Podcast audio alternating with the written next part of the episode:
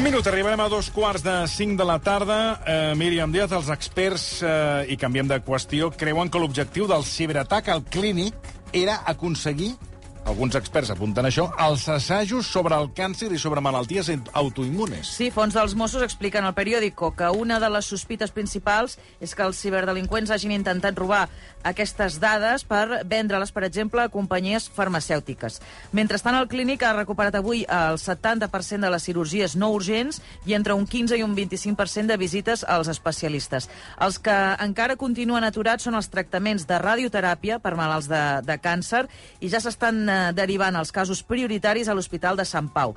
Ahir es van repartir 10 servidors i més de 120 portàtils amb connexió perquè els metges comencessin a tenir accés als historials eh, clínics dels pacients. Segons ha pogut saber rac l'Agència de Ciberseguretat està reforçant des de diumenge la protecció de la resta d'hospitals del país. Ho ha explicat el secretari de Telecomunicacions i Transformació Digital, Sergi Marcén. Bueno, a banda diumenge, el que estem fent és monitoritzar a tots els hospitals, veient quins són els patrons que aquest ciberatac ha tingut i intentar evitar els patrons. Això el que fan és crear una sèrie de patrons i a partir d'aquí el que fem és intentar evitar que aquests patrons es dupliquin a qualsevol altra entitat que nosaltres tenim.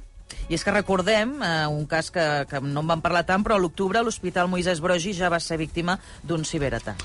Saludem a aquesta hora a Jorge Coronado, que és pèrit informàtic i director de Quàntica eh, 14. Señor Coronado, buena tarde, buenas tardes. Buenas tardes, ¿qué tal? ¿Cómo estáis? Encantado, muchísimas gracias, muy bien. Eh, hoy el diario El Periódico ha publicado que eh, lo que más preocupa a Mossos de Escuadra es que los ciberdelincuentes eh, quisieran vender o quieran vender datos de ensayos sobre cáncer y enfermedades autoinmunes eh, dos ámbitos en los cuales el Hospital Clínic es un centro puntero. Usted, eh, la primera cuestión que le, que le traslado es si usted cree que el objetivo de este robo podría ser la obtención de este tipo de datos. Bueno, el hecho de que lo vayan a vender eh, no me quepe, vamos, la menor duda de que es así. Efectivamente, eh, que tengan esa base de datos que vale muchísimo dinero, la van a vender en el mercado donde ciberdelincuentes, empresas, eh, servicios de inteligencia y diferentes entidades, pues las compran y las venden. Claro, ¿qué, qué valor puede tener este material en, eh, en, el mercado negro para un ciberdelincuente y la información médica? Es difícil de saber porque no sé la cantidad de datos que han extraído. Mm, sin embargo, su valor puede ser, mm, pues, puede ser millonario. La, la, versión del gobierno es que no saben qué datos se han robado exactamente. ¿Usted cree que es posible que ya se haya vendido esta información y que, a, y que en este momento tampoco se sepa el alcance? O sea, ¿es posible que a día de hoy todavía no se sepa el alcance de lo que se ha robado? Pues me genera muchas dudas. Siendo sincero y como profesional que soy en este sector, a la hora de investigar este tipo de ciberataques, me, me, hace dudar, me hace dudar, porque sí que es cierto que realizando un forense informático se podría ver el alcance y el hecho de que digan que no, pues no lo sé, me, me hace eh, hacerme varias preguntas respecto realmente de este ciberataque. Según eh, el periódico, algunos sanitarios del hospital dicen que se han robado datos de los trabajadores, entre ellos nóminas, datos fiscales. Eh, no sé si se, se, contradice un poco a la hipótesis de este, de este robo que tendría relación con los ensayos clínicos. Es decir, o, o, puede, o se da la circunstancia, podría darse que el robo fuera de, en fin, que fuera un robo total, para entendernos. Bueno, claro, es que con la poca información que trasladan y lo ambiguo que, que informan, pues es difícil de saber efectivamente el alcance. Es, o sea, si han podido acceder a la parte de administración, de nóminas, de gestoría, etc., y también a la parte médica, estaremos hablando con un ataque informático que se ha llevado a lo largo del tiempo y, a, y, no es un ataque informático a lo mejor que se haya procedido en un día o dos, sino que a lo mejor llevan bastante tiempo. Lo que me hace preguntarme también de si realmente no estamos ante un solo ataque, sino ante varios ataques a lo largo del tiempo. Hablemos de los autores de este ciberataque a, que ha sufrido el Hospital Clínico. La Generalitat desde el primer momento aseguró que los responsables de este ataque pertenecen al grupo Ransom House, pero hay diversos expertos informáticos, entre los cuales se encuentra usted, que no lo tienen tan claro. Para empezar, eh, señor Coronado, ¿le sorprendió que en solo 24 horas la Generalitat ya apuntase hacia este grupo llamado Ransom House como responsables del ataque? Bueno, sí que es cierto que la metodología que suelen utilizar este tipo de, grupos de cibercriminales es que en el momento en el que ya, eh, digamos, han extraído esa información o la han llegado incluso a secuestrar, pues se ponen en contacto con la víctima, ya sea a través de una nota que dejan en el escritorio o en alguna parte del ordenador o de los ordenadores, o también incluso por un correo electrónico o sencillamente a través de las diferentes redes sociales o, plataformas que tienen. Aquí, en este caso, eh, estamos hablando ante la situación de que Ransom House en ningún momento ha manifestado ser los autores ni siquiera han manifestado haber realizado una intrusión y ningún tipo de chantaje. Entonces nos encontramos con dos hipótesis. Una, que no lo hayan publicado porque hayan llevado una negociación con la víctima y ésta pues haya pagado, digamos, más a cambio de que no se publique, cosa que entonces contradeciría lo que ellos están diciendo de que no se ha llevado ninguna negociación. Dos, que efectivamente Ramon House, eh, Ramon House, Ransom House, disculpad, eh, no sea el atacante o también, digamos, podemos decir que es que aún no lo han publicado porque no le ha dado tiempo. Esas son un poco las dos o tres hipótesis que podemos encontrarnos. En cualquier caso, hasta ahora, Ransom House, en los 30 ataques eh, que ha hecho contra empresas e instituciones desde diciembre de 2021, siempre había, eh, se había puesto en contacto enseguida eh, con, con, la empresa o la institución a la que había atacado. Hasta ahora, en estos 30 ataques, siempre lo había hecho así. Efectivamente, el modus operandi de ellos siempre es eh, comunicarlo a través de su canal de Telegram y, entonces ellos dicen, mañana vamos a tener una sorpresa, prepararos. Y entonces al día siguiente publican que, han atacado a tal empresa y, entonces en su página web pone que ya eh, tienen acceso a esa información y sacan parte de esa información. Si no, eh, si la víctima no paga, pues esa información se publica en unos días en, el escenario que nos estamos encontrando es que no aparece ni en la página web, ni en el canal, en ningún sitio de Ransom House información de que hayan accedido a Clinic. Entonces, volvemos a la hipótesis que he comentado anteriormente. Hmm. Hay otra cosa que tampoco le cuadra a usted, y es que Ransom House no secuestra ficheros. Eh, ¿Nos puede explicar un poco, a ver, eh, exactamente qué es lo que hace Ransom House cuando comete un ataque y por qué esto no cuadra con lo que ha pasado en el Clinic? Bueno, esto eh, se basa un poco en las diferentes metodologías que llevan eh, realizando los diferentes grupos de ransomware en los últimos años, que es acceden al sistema informático y lo secuestran. ¿Cómo lo secuestran? cifrando los archivos y los servicios, impidiendo el normal funcionamiento o el acceso a los sistemas informáticos, de tal forma en el que el chantaje consiste en que si no me pagas no puedes acceder a esa información. No obstante, eh, estos grupos han evolucionado y se han dado cuenta de que eso no es tan rentable y lo que sí que les renta es la extorsión de publicar esos datos.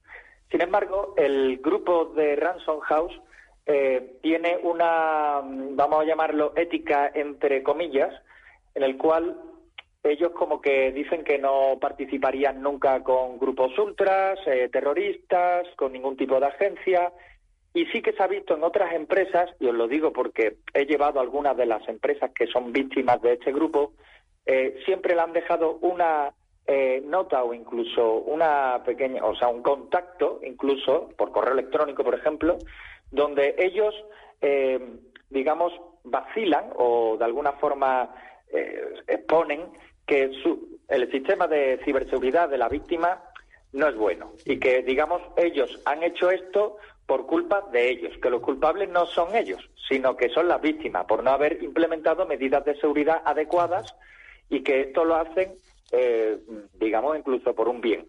Entonces, son un poco como además justificándose de una forma justiciera, ¿no?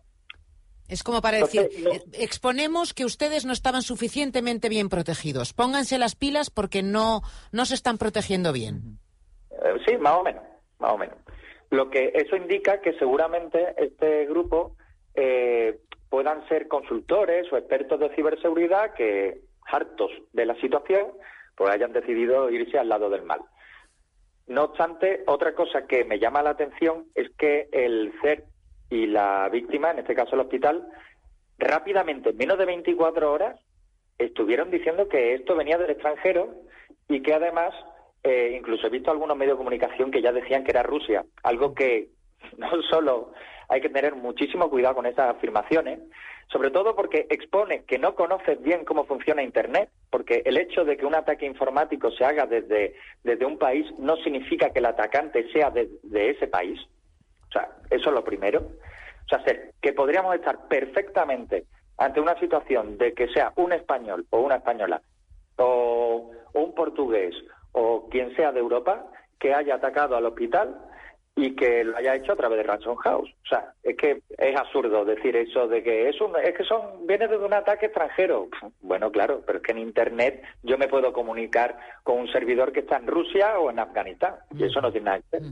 Siguiendo la operativa hasta ahora que ha tenido Ransom House, si hubieran sido ellos y hubieran actuado como hasta ahora, eh, ¿este ataque hubiera impedido que el, hospital mm, continuara funcionando? Porque ahora todo ha quedado paralizado en el clinic. No sé si con la operativa que ellos llevaban, eh, a pesar de haber eh, hecho este ataque informático, el hospital hubiera podido continuar funcionando. Bueno, podemos estar también ante una hipótesis de que sea alguien pasándose por, haciéndose pasar por Ransom House. El, el tema está en que evidentemente los otros en los otros casos sí que hemos visto que el, modus operandi es diferente, donde ellos cogen la información y te extorsionan con publicarla. Eh, sí que hay que tener en cuenta una cosa, ellos actúan muchas veces como un mayorista, ¿vale? Para que lo entendamos de la siguiente forma, ellos ponen una plataforma donde otros colaboran, imaginaros que, que yo tengo acceso al hospital, pero me da miedo o quiero protegerme y entonces no quiero hacerlo con mi marca. Entonces lo voy a convertir en una marca blanca y contacto con Ransom House para que ellos gestionen todo eso.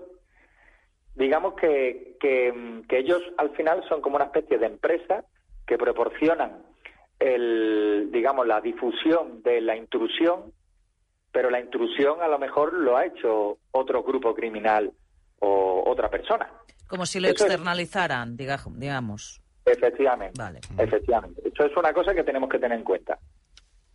Claro, lo, raro es que aún no se haya eh, reivindicado eh, este este ciberataque eh, cuando han pasado ya 72, 72 horas. Eso es, muy, eso es muy raro y, y, claro, nos pone en una situación bastante dudosa. A lo mejor mañana lo publican y me tengo que callar. La cuestión es que no sería lo común, porque de la forma en la que ellos han estado trabajando estos últimos meses es que lo publican eh, rápidamente cuando realizan esas intrusiones. Pero puede ser que no lo hayan hecho porque las negociaciones se están llevando ahora mismo.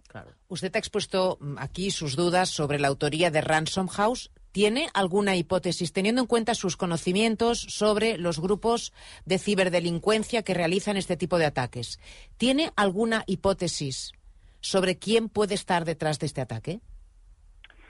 No, es muy difícil sin poder investigar dentro de, las diferentes entidades que lo están haciendo.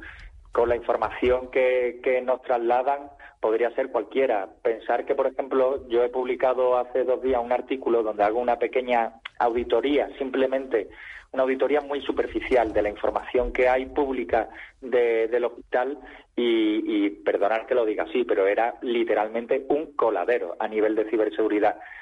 Eso expone que no solo haya podido sufrir un ciberataque ahora, sino que a lo mejor lleva sufriendo ciberataques desde hace muchísimo tiempo.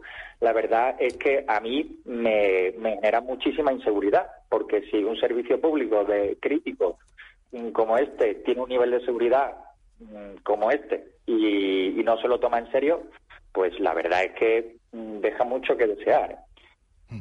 Déjeme hacerle una última pregunta. Eh, el gobierno y, el, y los, en este caso el, punto de vista del hospital es que, sobre todo el gobierno catalán, ha dicho que no pagará. Eh, como, según han explicado, eh, ocurrió también con la Universidad Autónoma de Barcelona y otros, y otros casos. ¿Se puede salir de la situación en la que se está sin pagar o tarde o temprano se tiene que pagar para desbloquear la situación, aunque no se diga? Es que el, problema que hay aquí es no si paga o si no paga. El tema está en que ya hemos perdido esos datos y el daño que ha causado a todos los ciudadanos eh, este, este ataque. O sea, bueno, ya sí paga incluso más daño, ¿no? Porque no solo están eh, promoviendo la ciberdelincuencia y encima con dinero público, sino que encima robado, ¿no?